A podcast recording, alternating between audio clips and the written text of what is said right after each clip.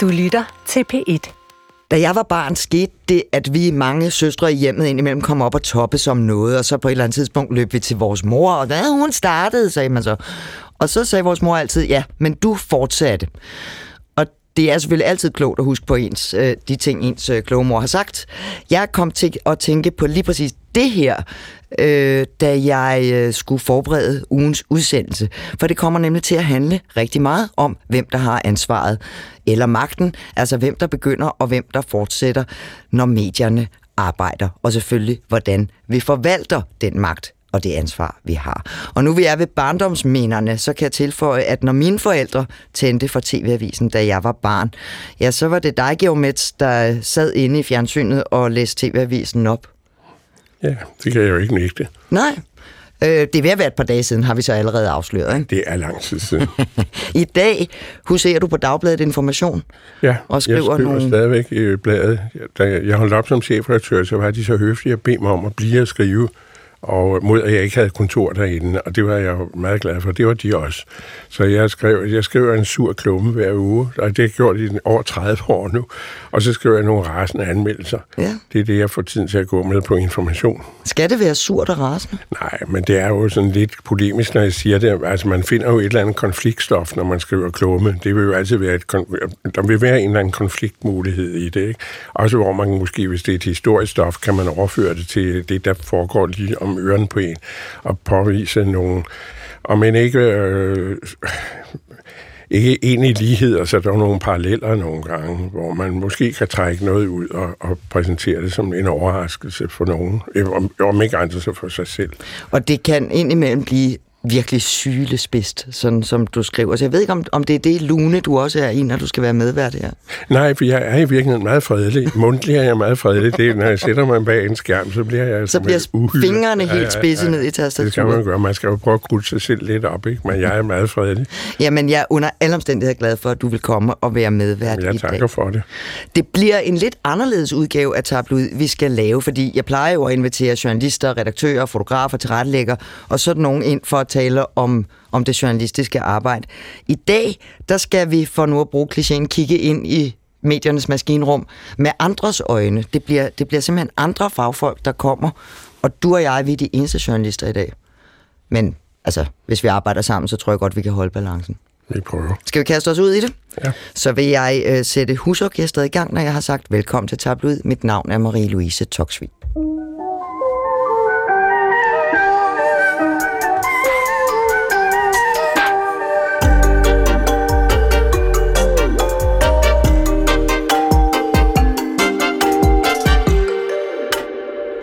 Det første, vi skal tale om, kommer til at indebære lidt af et eksperiment, vi sådan skal udfolde her i studiet. Historien er sådan her. I sidste uge dukkede nogle virkelig ubehagelige pornografiske billeder af en amerikansk superstjerne op på sociale platforme, og de bredte sig, som den slags gør, hastigt, og i weekenden nåede historien så også danske medier. Billederne, de her ubehagelige billeder, de var falske, altså manipulationer, hvor man groft sagt havde sat stjernens ansigt ind på nogle nøgne kroppe, så det så ud, som om hun deltog i de seksuelle aktiviteter. Såkaldt fake nudes hedder det. Den historie ville rigtig mange mm, øh, danske medier gerne fortælle, for det, det er jo en historie, der både handler om sociale medier og om alt, hvad man kan med ny te- teknologi og kunstig intelligens, og så om de her grove krænkelser, som vi har hørt om før, og som nu ramte en verdensstjerne. Og hvorfor siger du ikke, hvem det handler om? Er der garanteret så nogen, der sidder allerede nu og råber af radioen? Men det er det, der er vores eksperiment. Fordi vores første gæst er kun med i tabloid på betingelse af, at vi ikke nævner navnet på superstjernen. Tror du godt, man kan det? Ja, det kan man sagtens. Okay. Og gøre det til et principielt spørgsmål. Og Ja. ja. det synes jeg ofte, man også kommer godt afsted med at gøre, når man gør det. Mm. Øh, og jeg synes også, at altså i det store hele er dansk presse jo egentlig meget ordentlig på det her område. Det er jo ikke så tit, vi har de der rigtig store, slemme ting. Ikke? Mm. Altså der er en eller anden grundopfattelse, tror jeg, de fleste steder, at man skal tage de der hensyn. Håber jeg i hvert fald. Jo, og så er spørgsmålet selvfølgelig også, om man nogle gange bliver mere kynisk eller ligeglad, jo længere væk det er. Altså, hvis det nu her handler det om en amerikaner, ikke? Så jo, det, det kan tænkes. Ja. Altså, det, det skal jeg ikke lægge skuld på. Det kan, sagtens, det kan man sagtens forestille sig, men det, sådan bør det jo ikke være, fordi der skal være ens øh, regler for alle. Det skulle man mene. Også, også fordi verden er skrumpet sammen i det her uh, internet, ikke? Altså, som det jo hedder. Vi er jo tæt på hinanden. Vi, vi, det, det foregår samtidig af alting. Og over det hele. Over det hele. Hvis det glipper, altså hvis nu jeg eller du kommer til at sige navnet, så altså i løb, mens vi taler om sagen, så har vi faktisk en, en enkelt øh, redningsplanke, for vi optager programmet forud, altså live on tape. Så hvis vi kommer til, det gælder jo også, hvis vi taler om kriminalsager, nogen kommer til at bryde et navnforbud for eksempel, så kan vi bibe navnet ud bagefter. Men nu ser vi, om det går. Velkommen, Mia Mikkelsen. Tak skal du have. Du er advokat, og du er forperson for Medierådet for Børn og Unge, og en gang for længe siden stiftede du foreningen Digitalt Ansvar. Du beskæftiger dig rigtig meget med lige præcis det her emne, digitale krænkelser. Øhm, det her med, at vi ikke må nævne navnet på den person, som de her krænkelser går ud over i denne her omgang. Mm. Det sagde du og dine kolleger også, da medierne i weekenden begyndte at ringe og, og spørge, om I vil stille op og fortælle om historien. Hvorfor egentlig?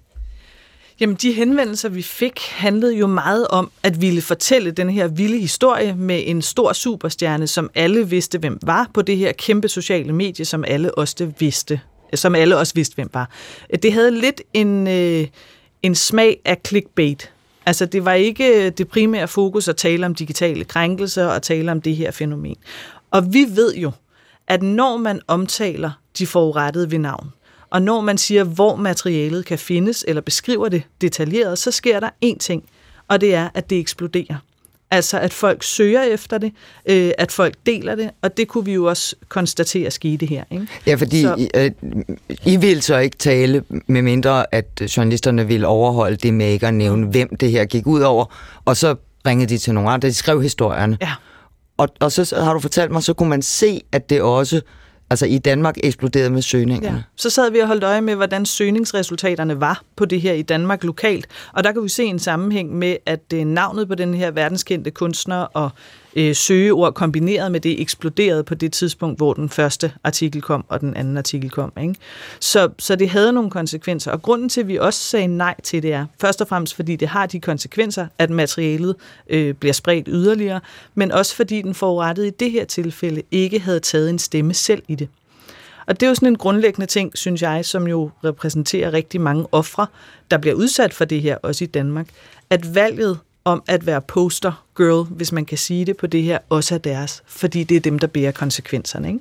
Altså, så man bliver ansigt på historien om, at ja. det vel nok er for dårligt, at der foregår de her krænkelser, men mens man er ansigtet på det, så, så bliver der båret ved til krænkelsen. Ja, vi har jo haft en sag her i Danmark med Johannes Schmidt Nielsen, som også blev udsat for det her øh, fake nudes øh, ved brug af AI, som fik lov at tage en stemme selv.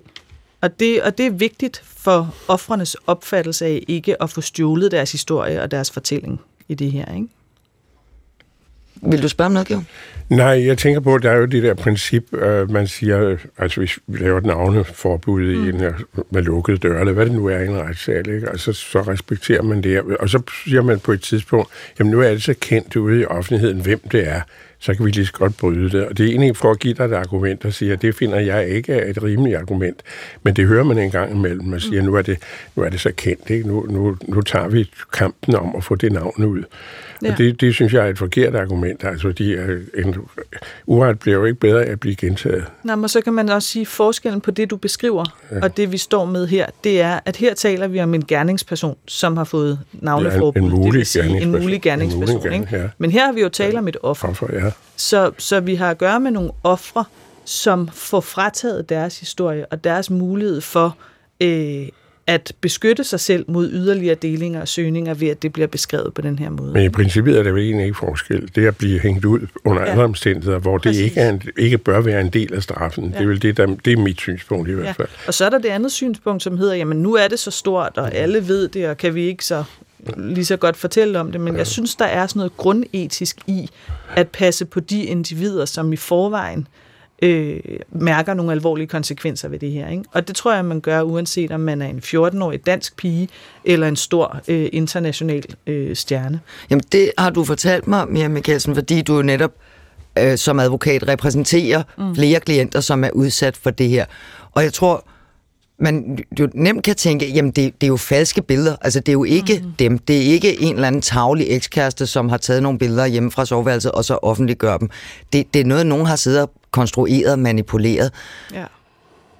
Hvad er det, der er så krænkende for dem, der bliver udsat for det, når, når du taler med dem? Først og fremmest er der jo oftest en kønnet slagside i det her, hvor det primært går ud over øh, kvinder. Jeg har også set sager, hvor mænd bliver udsat for den her form for digital krænkelse, men det er mange kvinder.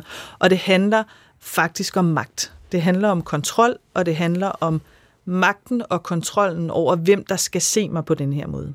Jamen, det er jo ikke øh, uanset, dig. Altså... Nej, uanset om det er ægte eller ej. Og så vil jeg sige, der er også den udfordring for de øh, ofre, der bliver udsat for det her, at det er en ansigtsløs fjende.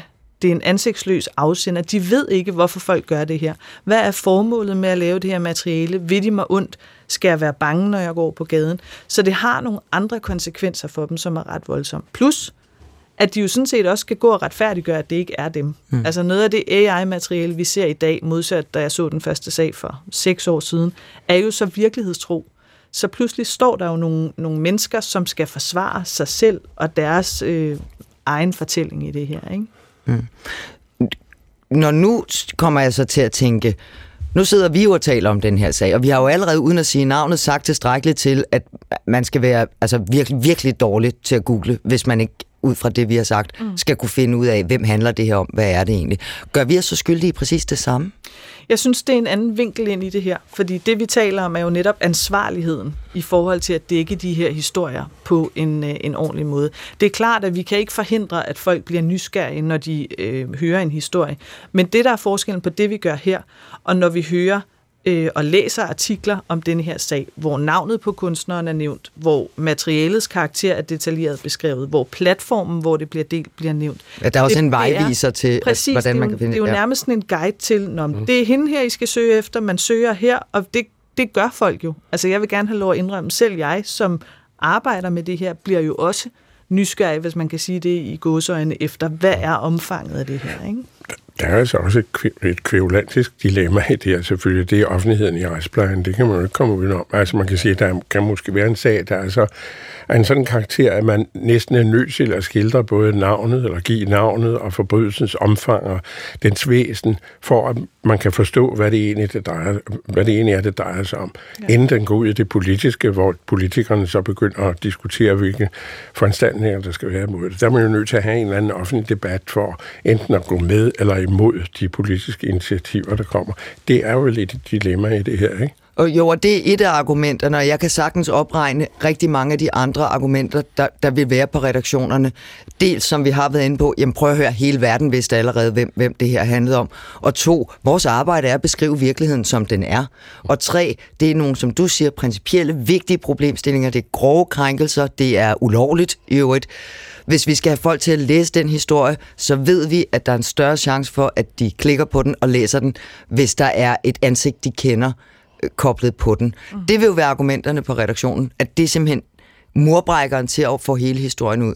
Og det, det vi, har jeg også hørt fra kolleger, der har beskæftiget sig med historien i løbet af ugen, det var allerede tidligt øh, en sag, som, også, som optog også amerikanske politikere. Man, den er kommet hele vejen til kongressen, man diskuterer lovændringer, skærpelser osv.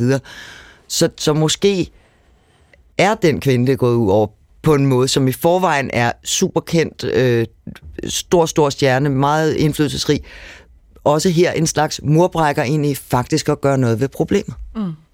Men det, det, den køber jeg også, den præmis, at det er sådan. Men vi er også nødt til at kigge på det etiske i det.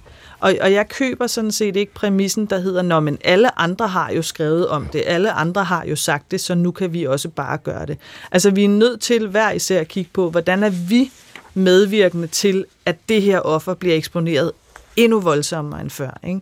Øh, og det sker jo også i Danmark, når man deler den her nyhed. Altså, jeg, jeg kan kun kigge på den lange række af klienter, jeg har haft, som har været udsat for det her. Og hvis jeg havde nogle klienter, som ikke ville udtale sig til pressen, som var udsat for massiv digitale krænkelser og vold, og hvor pressen siger, at det er ligegyldigt, det her har samfundsmæssig interesse af en sådan grad, så vi skriver den alligevel. Det er jo også sket, kigger vi tilbage i tiden. Så vil de efter min opfattelse jo medvirke til yderligere deling. Fordi når man dækker den her historie, når det bliver offentligt kendt, og hvis man guider læserne direkte hen til materialet, og så er der den risiko ved det. Ikke? Så min point, Men Michael, som, det skal jeg lige forstå, for ja. jeg sagde det jo indledningsvis, udover at du er forperson i Medierådet for Børn og Unge, så er du også advokat. Ja. Siger du, at hvis, at hvis man som medie, for at skrive historien om, at nu er denne eller hin person udsat for grove krænkelser, mm. og man skriver den historie med navn på personen, at man så gør sig skyldig i at medvirke til at dele ulovligt materiale? Hvis vi tager den sag, som har været fremme i pressen, hvor Johannes Schmidt Nielsen selv går ud og siger, hun har været udsat for digitale krænkelser ved produktion af fake news. Hvis hun ikke havde valgt at sige det, men hvis pressen havde fået nys om det, at hun var offer i sådan en sag, at hvis de havde beskrevet detaljeret, hvem hun var, med fuld navn og det hele, hvis de havde beskrevet, hvor materialet kunne findes. Og altså, det ligger på Facebook, ja, eller præcis. det ligger på Twitter. Eller præcis, du kan ja. finde det på den her hjemmeside så havde konklusionen jo været, eller resultatet af det havde været, at det her materiale var blevet spredt yderligere, og folk havde søgt efter det. Ikke? Og det er der, jeg siger, der har medierne et ansvar i forhold til den eksponering. Så er det rigtigt, at det her har været dækket i USA og i andre lande, men jeg synes, det er sindssygt vigtigt, at vi forholder os til den virkelighed, vi står i i Danmark. Og, og det her er jo heller ikke et nyt emne. Vi har jo for nylig talt om øh, fysiske seksuelle overgreb på unge mennesker i Danmark, øh, hvor man har et særligt behov for at beskytte deres identitet og ikke beskrive detaljer. Og min pointe er her lidt, at den beskyttelse, som du siger, bør jo gælde alle. Og den bør også gælde ofre, som bliver udsat for digitale seksuelle krænkelser, som er tilfældet her. Ikke? Jo, jeg, jeg kom til at tænke på det jo, jeg har jo et par uger i træk øh, beskæftiget mig med omtale af anklageskriftet i øh, sagen fra Sydsjælland om meget grove forbrydelser mod helt tre unge kvinder. Og der, der var mange, der problematiserede, at medierne nu kunne finde ud af at håndtere det ordentligt, og det tror jeg egentlig, at det viste sig, at det, det kunne medierne godt. Så var der en enkelt, det er så en, en politiker, som har lavet sit eget medie, som synes, at han skulle dele anklageskriftet på, sin, på sit eget øh, digitale medie. Det er så i øvrigt ulovligt. Og det, der skete, det var jo sådan set en opsigtsvækkende historie, mm. at han gjorde det. Men som jeg husker, så afholdt langt de fleste medier sig fra overhovedet at omtale, at det var sket, før det var blevet fjernet igen. Politiet lukkede siden. Ikke? Øhm, og, og hvis man omtalte det, så var det i hvert fald ikke sådan, at man linkede til, at i øvrigt ligger det ulovlige her. Mm. Er det den model, du synes, vi skal kopiere, eller hvad, når det handler om det andet? I hvert fald er det jo lige akkurat det, vi taler om, at der er en særlig øh, sammen, en særlig sammenhold omkring at beskytte de her unge mennesker, som bliver udsat for fysiske seksuelle overgreb, og beskytte deres identitet. Og så er vi i Danmark jo ret klar over, at det at blive udsat for øh, fake news er også en digital krænkelse. Det er og, også og det er også ulovligt. Og det er ja. også ulovligt ja. at dele det her materiale. Øhm, så den beskyttelse bør jo gælde dem. Også jeg synes, det er et virkelig fint eksempel på, at vi jo faktisk har en praksis fra mediernes side i forhold til at passe på offrenes identitet. Så hvorfor skal den beskyttelse ikke gælde, når det foregår digitalt? Ikke?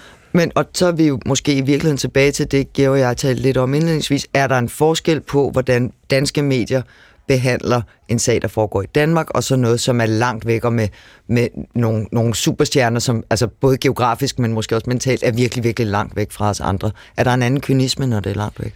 Det er i hvert fald, nu har jeg jo talt med en del journalister faktisk de sidste par dage, som gerne vil fortælle den her historie og have mig med som kilde, og når jeg forklarede, hvorfor jeg ikke ville være med på den, hvis præmissen var, at man nævnte hendes navn og hvor materialet lå og karakteren, så har de jo alle sammen reageret med, med en anerkendelse af, at det forstod de godt, men historien var ligesom vigtig at få fortalt. Øhm, så, så der er formodentlig en forskel på, om det er noget, der er her tæt på. Det ved vi jo også fra andre sager. Hvis det er en, du kender, hvis det er en, du står ansigt til ansigt med, modsat en, som føles langt væk, øh, så er der en forskel. Men realiteten er, at vi lever, som du siger, i en, i en digital verden, hvor alt er tæt på. Og en ting er, at et medie skriver en artikel, og så forsvinder den artikel ud i ingenting, men det her går jo online, det går viralt, og når man læser sine artikler på telefonen, så skal man lige over på en anden øh, platform, og så kan man søge efter materialet. Ikke? Mm. Så det har en, en langvarig øh, konsekvens modsat i gamle dage, hvis man kan sige det. Ikke? som Marie-Louise siger, så er vi jo sådan meget gode i dansk presse til at overholde de der etiske regler, når det er kriminalsager og sådan noget. Mm. Men kunne du forestille dig, hvordan man skulle gøre det lovgivningsmæssigt? Skulle man ligefrem lave en lov? Fordi hvis man ikke kan om jeg så må sige, udvide det, den her moral og den her etik til offeret, skal man så nedfælde det i en lov? Har du behov for det? Øh, altså, jeg, jeg tror i hvert fald, jeg vil sige klart og tydeligt, at hvis det her skete for en dansk forurettet, at historien blev delt uden hendes samtykke, og det havde den konsekvens, at materialet blev delt yderligere, så vil jeg argumentere for, at det var strafferetligt medvirken til ulovlig deling. Altså inden for gældende lovgivning, ja, ja. det kræver ikke en ny så, lov. Så i virkeligheden vil jeg sige, hvis medier på trods af, at der står et offer, siger, det vil jeg ikke have, I skriver om, for konsekvenserne for mig er alt overskyggende øh, mm. uoverskuelige, og medierne så siger, det gør vi alligevel, øh, så har de jo medvirket til deling, hvis vi altså kan dokumentere en direkte sammenhæng. Ikke? Og så er der nogle regler i retspraksis øh, og i, eller i retsplejeloven, som jo beskytter ofre kan man sige. Øh, så det giver god mening at se på, jeg, hvordan... Jeg tror måske også, som jeg forstår dig, Mia Mikkelsen, at, at en af dine centrale pointer, det er, at vi skal huske, at selv når der er tale om en verdensstjerne, så i lige præcis denne her sag, så er hun et offer, som ja. er udsat for en forbrydelse ja. øh, på lige fod med, at hvis, hvis min søster var blevet slået ned på gaden. En strafferetlig krænkelse, som vi har fuld anerkendelse for i Danmark, at det er ulovligt. Så hun har krav på den samme beskyttelse, som et hvilket som helst andet menneske vil have i den her sammenhæng. Ikke? Mia Mikkelsen, øh, advokat og forperson for Medierådet for Børn og Unge, og specialist i det her med digitale krænkelser. Tak fordi du kom og var med i Tablet i dag. Det var en fornøjelse.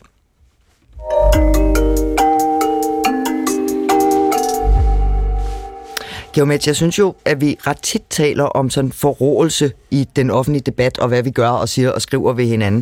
Nu taler vi selv om, hvor spidse fingre du kan få, når du skriver. Ikke? Ja. Men, men også, at det udvikler sig til udskamning og et mobning og sådan noget. Og, og jeg synes tit, at når vi har den diskussion, så lander vi ligesom med at sige, om det er også derovre på de sociale medier, at folk ikke kan finde ud af at opføre sig ordentligt. Men, men spørgsmålet er jo også i forlængelse af det, vi lige talte med Mia Mikkelsen, om der også er et ansvar for det i de etablerede medier. Ja, altså øh, det er jo ikke kun, hvis det kun var på nettet, altså hvis det kun var øh, digitalt, det kom ud, men det er jo også politikere, der udtaler sig med mellemrum. Altså nu så jeg øh, jeg vil godt nævne navnet Mette Thiesen, kom ud, folketingsmedlem Mette Thiesen, og siger, at den der etbenede pirat, han skulle smides ud på røv og albuer, som hun sagde. Ja, ham, der lige har fået opholdstilladelse. Ja, ja, og i virkeligheden så skulle flåden bare have smidt, lade ham gå planken ud, og så sejle væk, uden at vende sig om. Det er jo det, hun, der var hendes, øh, hendes forslag. Og det, det vil jeg sige, jeg bruger i ordet krænkelse, men jeg følte mig meget krænket over det i min bevidsthed om, hvad det danske, den danske debat skal være. Og der kan man roligt tale om en forrådelse. Og, så, og det er jo ikke noget, der ligger på, på meteren, det er noget, der bliver sagt til pressen. Og nogle gange tænker jeg på, at vores kollega Henrik Kortrup engang sagde, og jeg synes, han kan godt have en pointe i det, at hvis politikerne er så øh, utilfredse med, at øh, medierne har siddet på Christiansborg og kan gå rundt på gangene, så skulle medierne måske tage dem på ordet og sige, at vi kommer slet ikke på Christiansborg. Når der er noget vigtigt, så, øh, så henvender vi os. Fordi, øh, som Kvartrup meget rigtigt sagde dengang, at så ville det være en katastrofe for politikerne, fordi så ville de ikke komme af med alle de der mærkelige småkrummer, som sådan en bemærkning er. Og det, det, selvfølgelig kan det jeg ikke lade sig gøre, men der er noget om det i øh, den villighed, der er til at tage de der meget utrærede synspunkter frem. Ja, jeg så, så det var i Berlingske, at øh, Liberal Alliances Alex Vanopslag, han slog alarm, som det hed i overskriften, øh, og mener, at, øh, at den storm, mod øh, øh, Torben Østergaard Nielsen, ham med Nordic Waste, øh, det afslører et hævngærigt samfund i blodrus, meget dramatisk. Og han sammenligner så med også det, alt det møg, der er væltet ned over øh, litteraturanmelder Katrine Dies og sådan noget. Og han, Alex Vandomslag, peger så mest på politikernes ansvar i, hvad de lukker ud. Og hvis vi bliver ved Torben Østergaard Nielsen og Nordic Waiter, så har, så har min, min kollega Christian Jeppesen bare lige taget et par klip af, hvad nogle ministre har sagt i denne sammenhæng. Ja, jeg tror, at almindelige mennesker sidder med øh, et stort, kæmpe spørgsmål. Hvordan kan det være, at den her mand er forsvundet, som han er? Jeg synes, det vil være det rigtige at gøre, hvis det er, at folk fra ejerkredsen de stiller sig frem, svarer på de spørgsmål, som I har blandt andet, svarer på de spørgsmål, som vi og andre politikere også har på Christiansborg. i stedet for at gemme sig bag deres store formuer og flotte biler. Men når man risikerer at efterlade en generationsforurening, og man så ikke har til hensigt at bruge sin personlige formue på at hjælpe med at rydde det land op, man er vokset op i og tjent sine penge på, så har man spillet moralsk lidt i en grad, vi sjældent ser her til lands. Og jeg vil skamme over at vise mig ned på hovedgaden, hvis jeg havde gjort noget lignende. Man kan jo sagtens betale for den her regning, hvis man vil. Virksomheden har ikke hjulpet til med oprydning. De er her heller ikke i dag, meget bekendt. Jeg, jeg synes jo tit, politikere taler om, at vi i medierne er for grove øh, og, og nærmest hundende, drillende, generende. Men, men har øh, Alex Vandopslag ret i det her tilfælde, at her er det nogle, faktisk nogle politikere, der for nu at at blive det, min mor sagde, da jeg var barn. Det er dem, der starter, så er der nogle andre, der fortsætter. Ja, det må man sige, han, han er lidt ret i. Om det er så blodigt, ved jeg heller ikke, fordi det er jo også en menneskereaktion øh, i et eller andet omfang, at de jo de har set det her, de er rasende og så videre, ikke? Men det er da klart, at de går alt for vidt. Altså, det er den anden ende, det her. De men, men, går de for vidt. Fordi hvis nogen skal stoppe ja. sådan en spiral, så er der jo nogen, der skal sige, nej, prøv ja. det der, det citerer vi dig. Vi bringer ikke det klip. Fordi Jamen, der, det der skulle pressen jo slå hårdt til at sige, hvor har I det fra? Hvordan kan I uddele skylds... Øh, øh, hvordan kan I afgøre skyldspørgsmålet på den det har måde? De, det har journalisten faktisk også spurgt jo, men det bør siger de jo, det er moral. Jamen, det bør de jo gøre i det øjeblik, det bliver sagt. Ja. Det ved jeg ikke, det fremgår ikke af klippet Nej. her. Det kan jeg jo ikke udtale mig om. Nej. Det er sket på stedet, men uh, det er der jo ikke noget, der tyder på i klippen her. Og heller ikke en almindelig brejsdækning. Der kom det til at stå som reaktionen. Især justitsministerens reaktion i øvrigt, ikke? hvor Højneke var noget mere tilbageholdende. Men justitsministeren gav den hele armen, og man siger, jamen hvis du mener det der, så er en retssag jo fuldstændig overflødig, fordi så er det jo afgjort. Så lav en lov mod dem. Altså, det har I jo flertal til. Ja, eller også bare håndsoprækning på torvet. Hvem ja. synes vi er skyldig? Det kan man sige.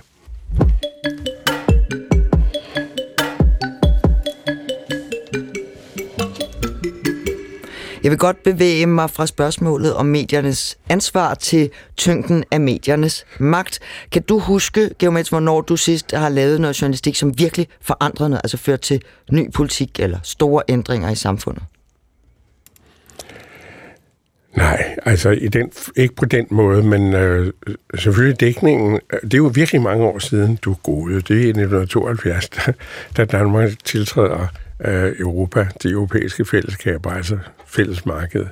Øh, at der følte man jo, man var med til noget betydningsfuldt, om man var for eller imod, det er sådan set underordnet, men man var med til at være, man var virkelig med i en afgørelse, ved at påvirke en opinion til at gå den ene eller den anden vej. Ikke? Hvad lavede du dengang?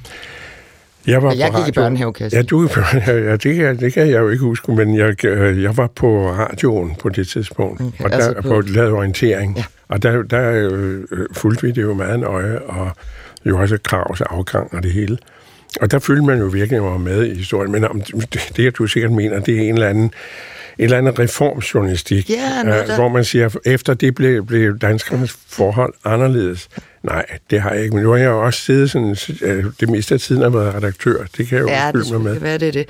Ja, det. Jeg spørger jo også, fordi vores selvforståelse i branchen er jo, i hvert fald på de gode, stolte dage, at vi er, altså, har en afgørende betydning i samfundet. Vi er den fjerde statsmagt, vi kan sætte dagsordenen, vi kan afdække problemstillinger, påvirke politikere, bidrage til at forbedre samfundet. Ja. Og spørgsmålet er, om vi gør det. Jamen, det er jo det. Vi har jo den her Montesquieu, Montesquieu lavede den her magttredeling i 1700-tallet, ikke? Og man har den udøvende, den dømmende og den lovgivende magt, og det lever vi med. Det er sådan set det, der er grundlovsfæstet.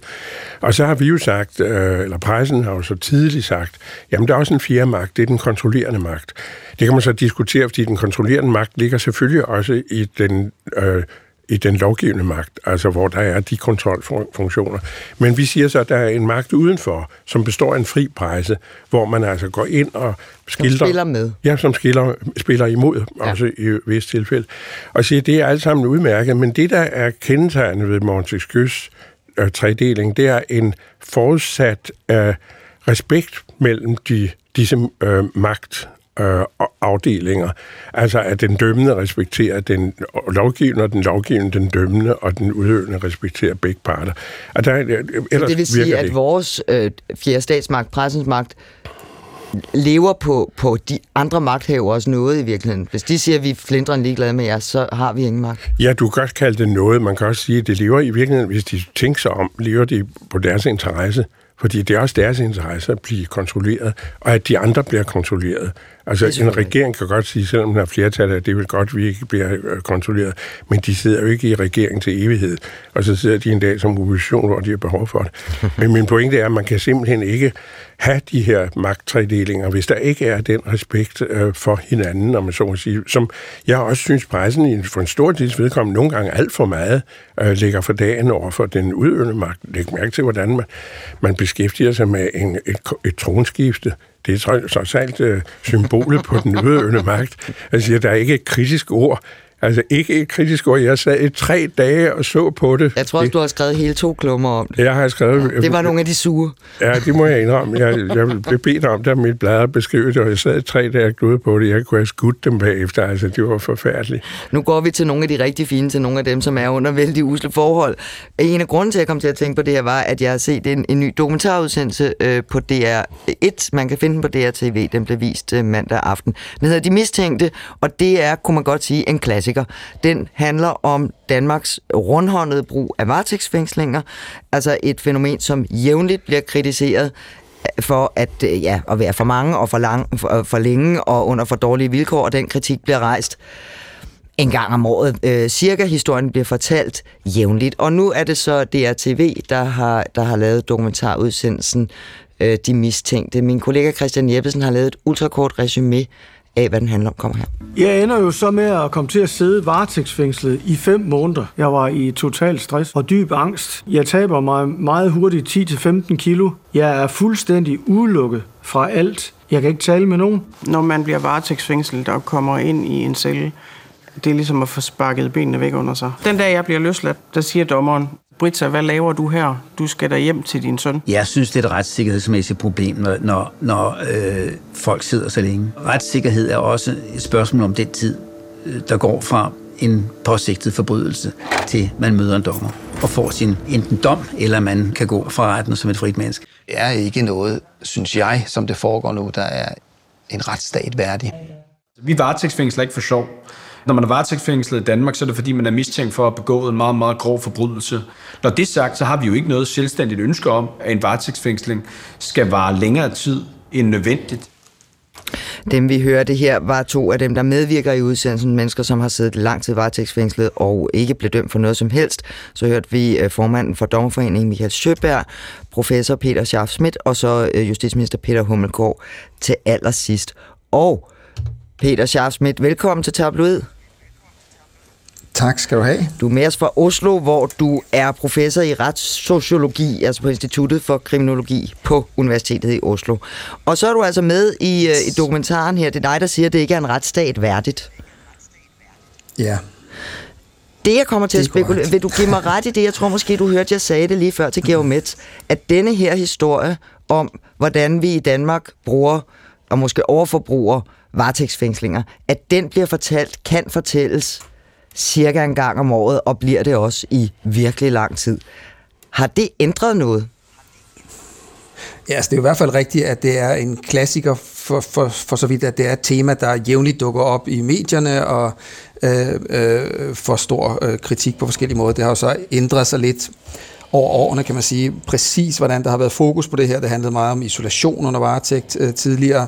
Nu handler det også om vilkårene, men også øh, i høj grad om, om længden og, og, og øh, øh, antallet af varetægtsfængslede, og øh, noget, der så også er lidt noget nyt nu i den her omgang, er at øh, ikke mindst dommerne også er kommet på banen nu, øh, som jo traditionelt har holdt sig lidt tilbage, og i den forstand kan man måske sige, er lidt mere konservative, øh, eller upartiske, eller hvad man nu vil kalde det, øh, men de er jo så også mere på banen i den her runde faktisk, og være meget tydelige i deres kritik. Men det er fuldstændig rigtigt, at det, er, øh, det kommer jævnligt op i medierne, og øh, med begrænset virkning, kan man sige, hvis man ser på praksis. Øh, aktuelt de senere år er det jo faktisk blevet værre.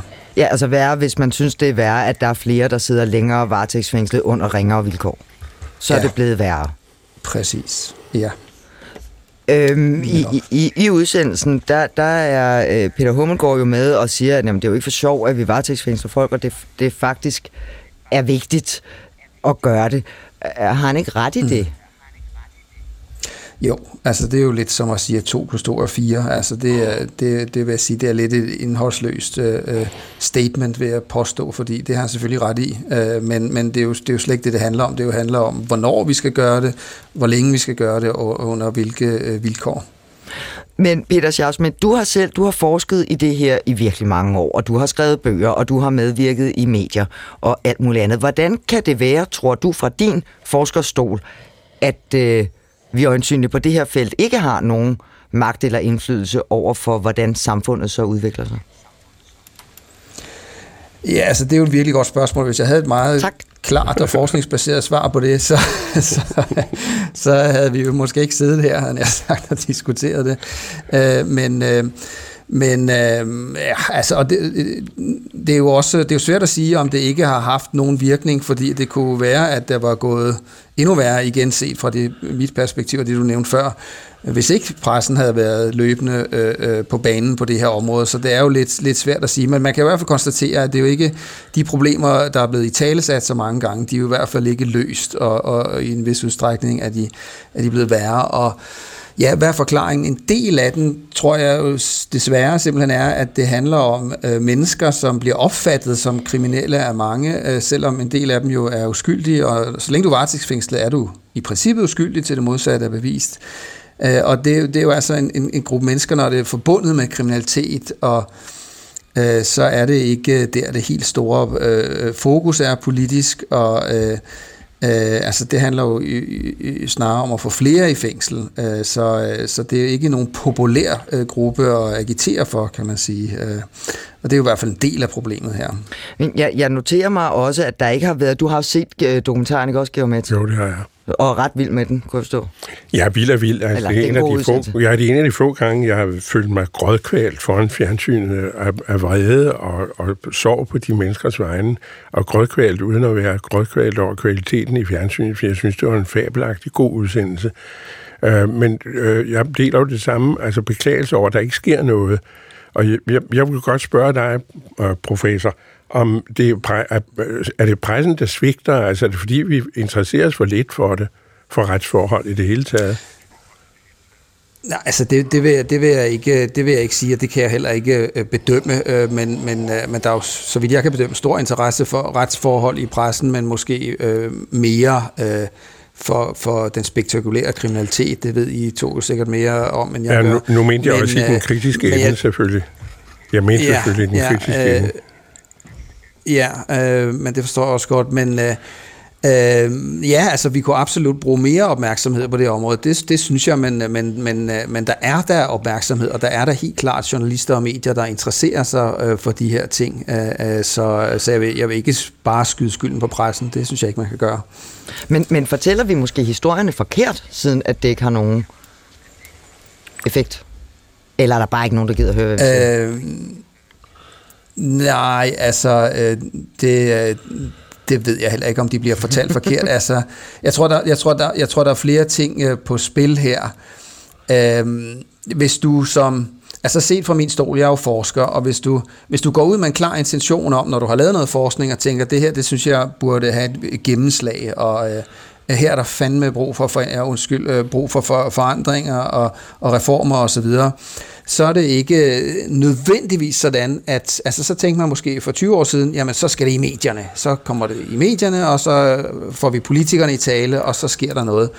Men det er jo ikke nødvendigvis sådan, man tænker længere, synes jeg, fordi at øhm, øh, det kan jo være, at når noget kommer i medierne, så får du modsatrettede politiske reaktioner, ikke? Øh, netop fordi, at det er så populært og og øh, øh, tale om mere og ikke mindre straf, og tale om værre vilkår for øh, dem, vi frihedsberøver, i stedet for bedre vilkår osv. Så, så, så, der, så i nogle tilfælde kan det være smartere øh, øh, at gå direkte til praktikerne, altså kriminalforsorgen, politiet osv., de professionelle aktører på området, og så diskutere reformer med dem. Altså det er jo, det er jo en øh, mekanik, som øh, er relevant i den her sammenhæng, synes jeg, og som øh, hvad hedder det, øh, ja, en del af den her problematik. Så det vil sige simpelthen øh, springe helt over de to andre hjørner i trekanten, som hedder øh, de politiske magthavere og medierne, og så, og så bare gå direkte til dem, det handler om. Men så får vi jo ikke nogen offentlig debat og samtale om problematikken. Nej, øh, øh, altså øh, øh, det er absolut et, et problem, øh, men øh, jeg tror, at øh, altså, den offentlige samtale kommer ofte af sig selv på det her område, kan man sige. Og så gælder det jo om at selvfølgelig at påvirke den også som øh, forsker ekspert, og som praktikerne også gør nu. Øh, men, øh, men der er jo ingen tvivl om, at hvis du er i gang med en reformproces med nogle praktikere, kriminalforsorgen for eksempel, jeg kan huske, da jeg var på Institut for Menneskerettigheder, vi arbejdede med børn, der har forældre i fængsel og forsøgte at få bedre besøgsvilkår i fængslerne. Det var Kriminalforsorgen vældig enige med os i, og vi, vi havde projekter om det, og vi skaffede penge og øh, finansieret øh, noget af det her arbejde i Kriminalforsorgen. Og der tænkte vi jo meget over, hvornår at vi gerne ville have de her diskussioner i, i pressen, altså forsøgte i den udstrækning, det var muligt, at styre det lidt selv, så der ikke var noget, der blev ødelagt undervejs. så det er bare en faktor, du må være øh, opmærksom på, og, og det er jo ikke pressens skyld, men det handler jo om, at, at de politiske reaktioner, der så kommer, ikke? altså inden for de sidste groft sagt 20 år, så har der været en tendens til, hvad jeg mener, når det gælder retspolitikken, at politikerne har været til synligheden vældig nervøse for at blive fanget på et ben, hvor de kan blive opfattet bare en lille smule som milde på det retspolitiske område, som forsigtige eller tale de indsattes rettigheder eller et eller andet. Ikke? Det gælder om at være hård, hård, hård hele tiden til synlædende for, ikke for alle, men for rigtig mange politikere. Og det gør jo så, at hvis du har gang i en reformproces i et eller andet hjørne af et system, kriminalforsorgen for eksempel, så kan det være, øh, så kan det godt være en god idé måske nogle gange at vente med at og slå det stort op i pressen til, at det øh, fungerer. Og, ja. Der var et forsøgsprojekt... Så det er en dynamik her. Ja, der var for nogle år siden et forsøgsprojekt i København, hvor man, øh, fordi man ved, hvor, hvor skadeligt det kan være, når ganske unge bliver varetægtsfængslet og revet ud af deres skole og sådan noget, at så, så med, nøje udvalgte man nogle ganske få, som kunne få lov at være varetægtsfængslet derhjemme. Øh, og det var man et helt spædt forsøg, men så blev det faktisk i medierne koblet til, at en af dem, der var i det her forsøg, han havde været involveret på en eller anden måde i et voldeligt overfald, som havde fået stor omtale i medierne. Og så kom justitsministeren på banen og sagde, det der kan ikke have sin rigtighed, og så stoppede man. Er det, er det sådan noget, du mener? Ja, altså det synes jeg er et vældig godt eksempel. Ikke? Og, der, og den politiske reaktion var jo så, var så tydelig, og øh, sådan som øh, øh, øh, øh Søren Pape blev øh, citeret i pressen, den daværende justitsminister, så øh, øh, var det... Øh, øh, på en måde, hvor han talte om varetægtsfængslet, som om, at de allerede var dømt. Øh, og øh, så, så det var sådan... Øh, øh, det var jo helt uden øh, øh, nogen form for... Øh, øh, ja, vil jeg påstå sådan øh, øh, faglig, fornuftig tilgang til tingene, øh, og, og så er det bare slut. Ikke? Og det handlede om at, at, at prøve at løse et, et massivt problem i forhold til varetægtsfængsling, at det er så øh, hårdt et indgreb, og så tager man nogle unge mennesker og, og forsøge at gøre tingene på en lidt anden måde, ikke? Og så bang, så, så, så stopper festen, som jeg tror, det var de ord, han anvendte, Søren Pape. Nu er vi lidt før inde på det der med nytteværdien af vores journalistiske gerning. Altså, er der, kommer der nogle resultater ud af det? I gamle dage lavede vi en hel masse om det her, især om straffens betydning, og om hvor lidt betydning det har. Valvi, han stod øh, mål for alt, hvad vi lavede i det daværende orientering, gang efter gang. Og gang efter gang, når vi havde de her indslag, så blev straffen skærpet. Og der må jeg indrømme, til sidst så opgav vi det, så kom der ikke flere af de der indslag, fordi det førte jo ikke til noget som helst. Og Balvi, han trak sig tilbage øh, trist og, og, og sorgfuldt til mode, fordi der skete lige det modsatte af det, hans evidens kunne vise, at straf ikke virker. Det tværtimod har den modsatte virkning. Og hvad gør man så? Man bliver jo, man bliver Men det, det bekræfter jo sådan set, hvad, hvad Peter Schaap Schmidt siger ja, her, at man skal, man skal holde det helt uh, under dynen, når man så må sige, ja. indtil man er klar. Jo, men der har vi jo et af de dilemmaer, for det kan vi jo ikke, fordi det er jo vores opgave at gå ud og lave ballade. Ja, nej, nu mener jeg fra forskernes. Ja, jamen, det, jamen det, der har vi sådan set fælles om det. Hvis man skal have en historie ud af det, skal man jo lave ballade. Ja, det er det. Det har jeg lært. Peter Schaap Schmidt, du har også fortalt ja, mig, at ja. Uh, det der med at tale med journalister, det er faktisk også noget, der bare tager rigtig, rigtig meget tid, så, så du siger også nogle gange bare nej til det, øh, fordi det er så tidskrævende. Hvad handler det om? Du sagde dog, vil jeg skynde mig og citere dig for, at det ikke så meget galt radio. Nej, nej, men altså, det, øh, jeg siger også ja til de fleste ting, og jeg øh, kan vældig godt lide at, at snakke med journalister, men ja, absolut, det sker der nogle gange, at, at jeg øh, øh, takker nej, men, men det er... Øh, Øhm, altså, og jeg vil også, jeg vil også skynde mig at sige, altså, jeg synes da, at øh, øh, pressen gør et, et stort og mange journalister vældig vigtigt område, øh, arbejde på det her område, jeg tror på, selvom der ikke øh, kommer resultater, og det øh, øh, fra mit perspektiv på en række områder går en forkert vej, så tror jeg altså stadig, det er væsentligt at holde holde øh, fokus øh, på de her ting og få, øh, få historierne ud. Men, øh, men ja, altså det er, det bliver, det tager lang tid. Altså det, øh, øh oftest, jeg snakker der jævnligt med journalister, og ofte er det, kan det være til baggrund, og så er det jo, så er det jo noget om at, at lære nogen, nogle mennesker, der ikke har en ekspertviden, en hel masse på, på relativt kort tid, og øh, nogle gange, hvis det gælder den skriftlige presse, så skal du bruge tid på at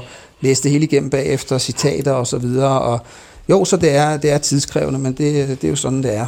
Jamen ved du hvad, så siger vi tak for indsatsen, også for at bruge tid på, på tabloidet i dag, Peter Schafsmith. Det var pænt af dig at være med. Ja, det var fornøjelse.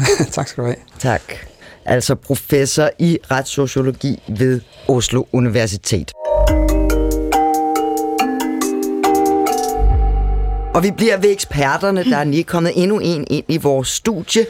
I denne uge kom den årlige opgørelse, og det er altså også en genudsendelse, op, øh, opgørelsen over de 50 mest eksperter i danske medier. Det er den samme historie hvert år. Der er påfaldende få kvinder på listen. Den højst placerede i år, eller fra sidste år, det er Helle Manvi, som er Ph.D. i international politik, forsker på DIS, med speciale i sikkerhedspolitik og Mellemøsten. Øh, øvrige fire kvinder ligger meget langt nede på listen. Helman, vi er nummer 24. Meget langt nede i 30'erne og sådan noget, der finder vi astrofysiker Anja C. Andersen og øh, tidligere overvismand professor Nina Schmidt, som er økonom. Det er en af de historier, vi kan fortælle hver eneste år. Og jeg, jeg kunne se på X, at øh, min øh, kollega Henrik Kvartrup, som laver mediemagasin for et andet medie, han efterlyste, at han vil gerne have nogle kvinder til at komme og tale om den her historie, men det var meget, meget svært. Øh, Geomets, hvis vi nu øh, gik ud og spurgte på redaktionerne, hvorfor er det sådan, hvorfor er der ikke flere kvinder, så kan vi to faktisk vi godt opregne, hvad svarene vil være, ikke? Jo, det kan man godt. Man kan godt sige det på forhånd. Ja, kvinderne er svære at få til at være med. De vil være mere, de, de tør ikke stille op, før de er sikre på det hele. Øh, det er også nogle gange lidt dogenskab, lidt vantænkning, men vi måler på det, vi er opmærksomme på det, og vi skal nok prøve at gøre det bedre. Er det ikke i rundtal, det vi Jo, jo, det er det. det er I høj grad der er jo den der med, ham der har vi prøvet før, og han er driftsikker, vi ved, og vi har, vi har travlt. Ja. Altså, så gør vi det på den måde. Ikke? Men altså, der er vel nok ved at ske en lille udvikling. Det er stadigvæk meget skræmmende og triste tal, men noget er der jo sket. Nu er jeg jo, det har du selv så yndefuldt bemærket, er, at jeg er jo noget ældre, og øh, i min pure ungdom, der oplevede jeg første gang, der blev læst en radioavis højt af en kvinde. Og der var stemningen faktisk lidt ortopædisk i hele huset, fordi hvad skulle det nu føre til, ikke? Men hun, hun gennemførte det, og chefredaktør Niels Grundet var forfærdet, men uh, han måtte tage en cigar, men altså, det gik, det gik og, men det var et kæmpe omvæltning, altså... fordi en stemme i radioen var en mandstemme, og øh, øh, hvis det gik højt, kunne det være speakerne, der øh, sagde, nu skal vi annoncerede ja. programmerne, men så sandelig ikke, når det var nyheder, og slet ikke, hvis det var kommentarer. Øhm, et, et er, om det er mænd eller kvinder. Det ved jeg ikke, når, hvis jeg kigger ned i en ny undersøgelse, der er lavet blandt øh, danske phd studerende Den viser, at hver tredje af dem, øh, de afholder sig fra at deltage i den offentlige debat om emner relateret til deres forskning af frygt for negative reaktioner. Og det, de svartal er altså ligeligt fordelt på mænd og kvinder, så det kan jo også være, at der er noget der. En af dem, og nu skal jeg nok byde dig ordentligt velkommen, Marlene Vind, øh, til Tabloid. Du er en af dem, som engang var vældig meget brugt som ekspert. Det kunne ikke handle om EU, uden at du så også var i fjernsynet eller i avisen eller noget. Du er professor i statskundskab og leder af Center for Europæisk Politik øh, ved Københavns Universitet. Kan du forstå som en af de erfarne, hvorfor de unge PhD-studerende har det på den måde? Ja, det kan jeg sådan set godt. Øhm, og, det, og det handler jo øh, nøjagtigt om det, du siger, øh, at, øh, at man øh, de sociale medier øh, kaster sig over en øh, frodende, øh, når man har optrådt et eller andet sted. Øh, det gør de stadig, selv i min høje alder. Øh, så får man kommentarer, når man har været et eller andet sted øh, på sit udseende, på øh, øh, ægteskabstilbud, øh, what have you. Altså, ja, ja. Jeg har endda en god kollega, som øh, mødte sin mand, fordi han havde set hende i Deadline. Gud, det kunne være, jeg skulle arbejde De har to børn nu. Øh, Øh, så, så det var så positivt, men, men øh, jeg mener bare, at, at, øh, at, at det her med øh, konstant at skulle forholde sig til øh, ting, som ikke har med sagen at gøre, men alle har føler ligesom, at de har adkomst til at kommentere øh, på dine rynker, eller på din øh, dobbelthage, eller, eller hvad det nu kan være. Ikke? Øh, så øh, og, så, altså, så, tror jeg også, det handler om, at mange øh, altså, øh, forskning er blevet så ekstremt specialiseret. Så, så øh, de fleste unge phd studerende de sidder med et lille bitte, bitte, bitte, bitte, bitte område, de øh, føler, de er eksperter i. Øhm, og det har været meget, meget svært at få det her phd stipendie og det har været konkurrence måske med 50-100 andre. Øhm, og, og når man så endelig har fået det, øh, så handler alt simpelthen bare om at fokusere øh, på, på det her lille bitte område. Og, og så virker hele det der mediehalløj som noget forstyrrende, og, og, og, og de fleste journalister, de vil jo, hvis vi skal være ærlige øh, her i studiet, de, de gider vi. jo ikke bare at høre om, øh, hvad hedder det, øh, hvordan larven formerer sig, vel? Altså, de vil også høre om, øh, øh, hvad, hvad, hvad, hvad, hvad tror du selv sker, eller hvorfor det, eller hvad er hvad din analyse, du? hvad synes du, og, og så videre, ikke? Og, og, og der står de fleste kvinder, men også yngre mænd, fuldstændig af. Det har de jo ikke lært noget om, at skulle have en mening om alle de her ting. Og så er det jo lettere at sige nej, koncentrere sig om sin forskning, og den i øvrigt stigende konkurrence, der jo også er blandt yngre forskere, som jeg også tror spiller ind. Du har også fortalt mig, at i modsætning til, hvad vi øh, journalister på redaktionerne måske tror, så, så er det faktisk ikke nødvendigvis der, hvor du færdes til hverdag, øh, særlig attraktivt at være meget i med. Det er ikke noget, der er høj status i. Nej, det er det bestemt ikke. Snart tværtimod? Det er nærmest tværtimod. Jeg var lykkelig for, at jeg ikke var på den der liste, øh, må jeg sige. øh, fordi så er man da ikke så slem til at stille op, vel? Fordi der er sådan lidt uh, linselus Ja, det er sådan lidt linselus, ikke? Øh, og, og sådan, øh, det er, øh, hvis du har tid til det der, altså, så må du have for lidt at lave. Nå, altså, så forsker du for lidt. Lige præcis, ikke? Så der er også sådan en hakkeorden blandt forskere, øh, så, så øh, jeg ved heller ikke, hvordan den der... Øh, jeg undrer mig lidt over listen egentlig, fordi der er jo, det flyder jo over med kvinder i, i, i den offentlige debat og i medierne. Altså, som det... regel journalist interviewer journalist. Ikke? øh, og, og der er der jo masser af kvinder, ikke? Jo, øh, der, der skal jeg måske sige, at listen er opgjort efter, om det er Altså det er alene universitetsfolk, okay. folk uafhængige, så folk, nogen, der sidder i tænketanke eller ansatte i organisationer, ja. kommer ikke Nej. med. Og det tæller kun, hvis man er citeret som ekspert ja. inden for et område. Ja. Det vil sige, at hvis du havde udtalt dig om noget med din køkkenhave, eller dit ægteskab, ja. eller dine rynker, så ja. var du Men vel heller, heller ikke i det her program, så vil jeg heller ikke blive registreret, Nej, det, for det har jo ikke noget at gøre med min forskning. Nej, så. det har det ja. Men jeg, har, jeg har engang ringet til dig og spurgt, om du vil stille op i et, et debatprogram. Mm. Så det var noget med EU. Jeg tænkte, ja. det, var, det havde du forstand på. Og der, var du, der sagde du, jeg citerer frit efter hukommelsen, mm. ej, det er simpelthen holdt op med, det gider jeg ikke. Nej. Hvorfor?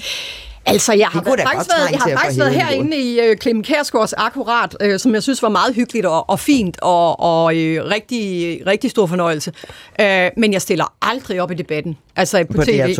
Nej, det gør jeg ikke. Uh, det har jeg prøvet for måske uh, 12 år siden, tror jeg, sidste gang jeg var med, eller 10, jeg kan ikke helt huske det. Uh, og, og det har simpelthen bare valgt, at det vil jeg simpelthen ikke. Og, og jeg tror, at øh, ja, på en eller anden måde, så føler man sig udsat som forsker, fordi du, du vil jo blive målt på noget andet, end det en politiker bliver målt på, som som regel handler om at jorde øh, din, øh, din øh, next door neighbor, ikke? Altså, øh, og, og det synes jeg bare ikke er en rolle, der passer til en, til en, til en, til en forsker. Så, Men ja. er det, hvis vi nu lader, lader ja. både dine kolleger og så de sociale medier ligge og kigger alene på, hvad vi i medierne kan gøre for, for faktisk at få adgang til at få jer til at stille op og dele al den der viden, I sidder og har med den undrende offentlighed og os. Nå, men jeg holder noget, jo meget af at være i deadline, for Nå. eksempel. Ikke? Det, det er jo helt vidunderligt at få øh, taletid øh, på den måde, og være, og være ligesom ekspert på den måde, hvor man har mere tid til at folde det ud. Peter-orientering også øh, fint. Og det samme gælder jo øh, andre radioprogrammer, som, okay. som har øh, øh, altså et andet format, øh, hvor der er god tid. Ikke? Det, det, det vil jeg sige, det er noget andet, så der er nok... Øh, Men det, øh, som øh, vi hørte Peter Schaff lige sige lige før om at sidde og rette ja, og sådan noget... Det... Det, og det gør man rigtig meget, ja. hvis man øh, bliver ringet op øh, og skal... Øh, interviews øh, til, skri- til et skriftligt medie. Men du siger, at det der med at stille op, det gælder ikke dine yngre kollegaer, men de må være klar over, at man også som forsker har en forpligtelse til at dele sin viden ja, til offentligheden. men ikke? det er jo en meget bred vifte af ting, man så kan gøre. Ikke? Ja. Du, kan, øh, du kan formidle i Gymnasieforeningens øh, blad, du kan øh, formidle... Eller videnskabelige tidsskrifter. Ja, det ved jeg ikke om er formidling. Det tror jeg er mere forskning, øh, fordi det er jo ikke formidlet. Det er jo forskningen, der bliver lagt frem i et mm. videnskabeligt tidsskrift. Men du kan jo formidle på alle mulige måder, så og, du, man behøver og ikke undervisning er jo på en måde også øh, formidling, øh, eller du kan tale i Folkeuniversitetet eller et andet sted. Øh, det er også formidling, så, så der er masser af måder at formidle på, som ikke nødvendigvis handler om at stille op i medierne. Men nu gjorde du i hvert fald i dag i tabloid, og ved du hvad, Marlene Vind, det er jeg rigtig glad for. Tak fordi tak. du kom. Vores tid er gået. Og det gælder også for dig, Geomets. Tak fordi du vil komme. Vores tid er gået. Hvad skal klummen, den sure klumme handle om den her uge information? Jamen, den handler om det der, vi talte om i begyndelsen, om øh, det grove sprogbrug, altså siger, at man skal smide en mand ud på røv og albu, og en etbenet pirat, som man har er nu i vores varetægt som nation, som har fået opholdstilladelse. Og det synes jeg altså, det var nødvendigt at riste en rune over det, synes jeg. Det kan man læse om i Dagbladet Information i weekenden. Det var tablet for i dag, lavet af tilretlægger producer Christian Jeppesen og mig, Marie-Louise Toksvig. Vi er tilbage om en uge med mere journalistik om journalistik. Tak for nu.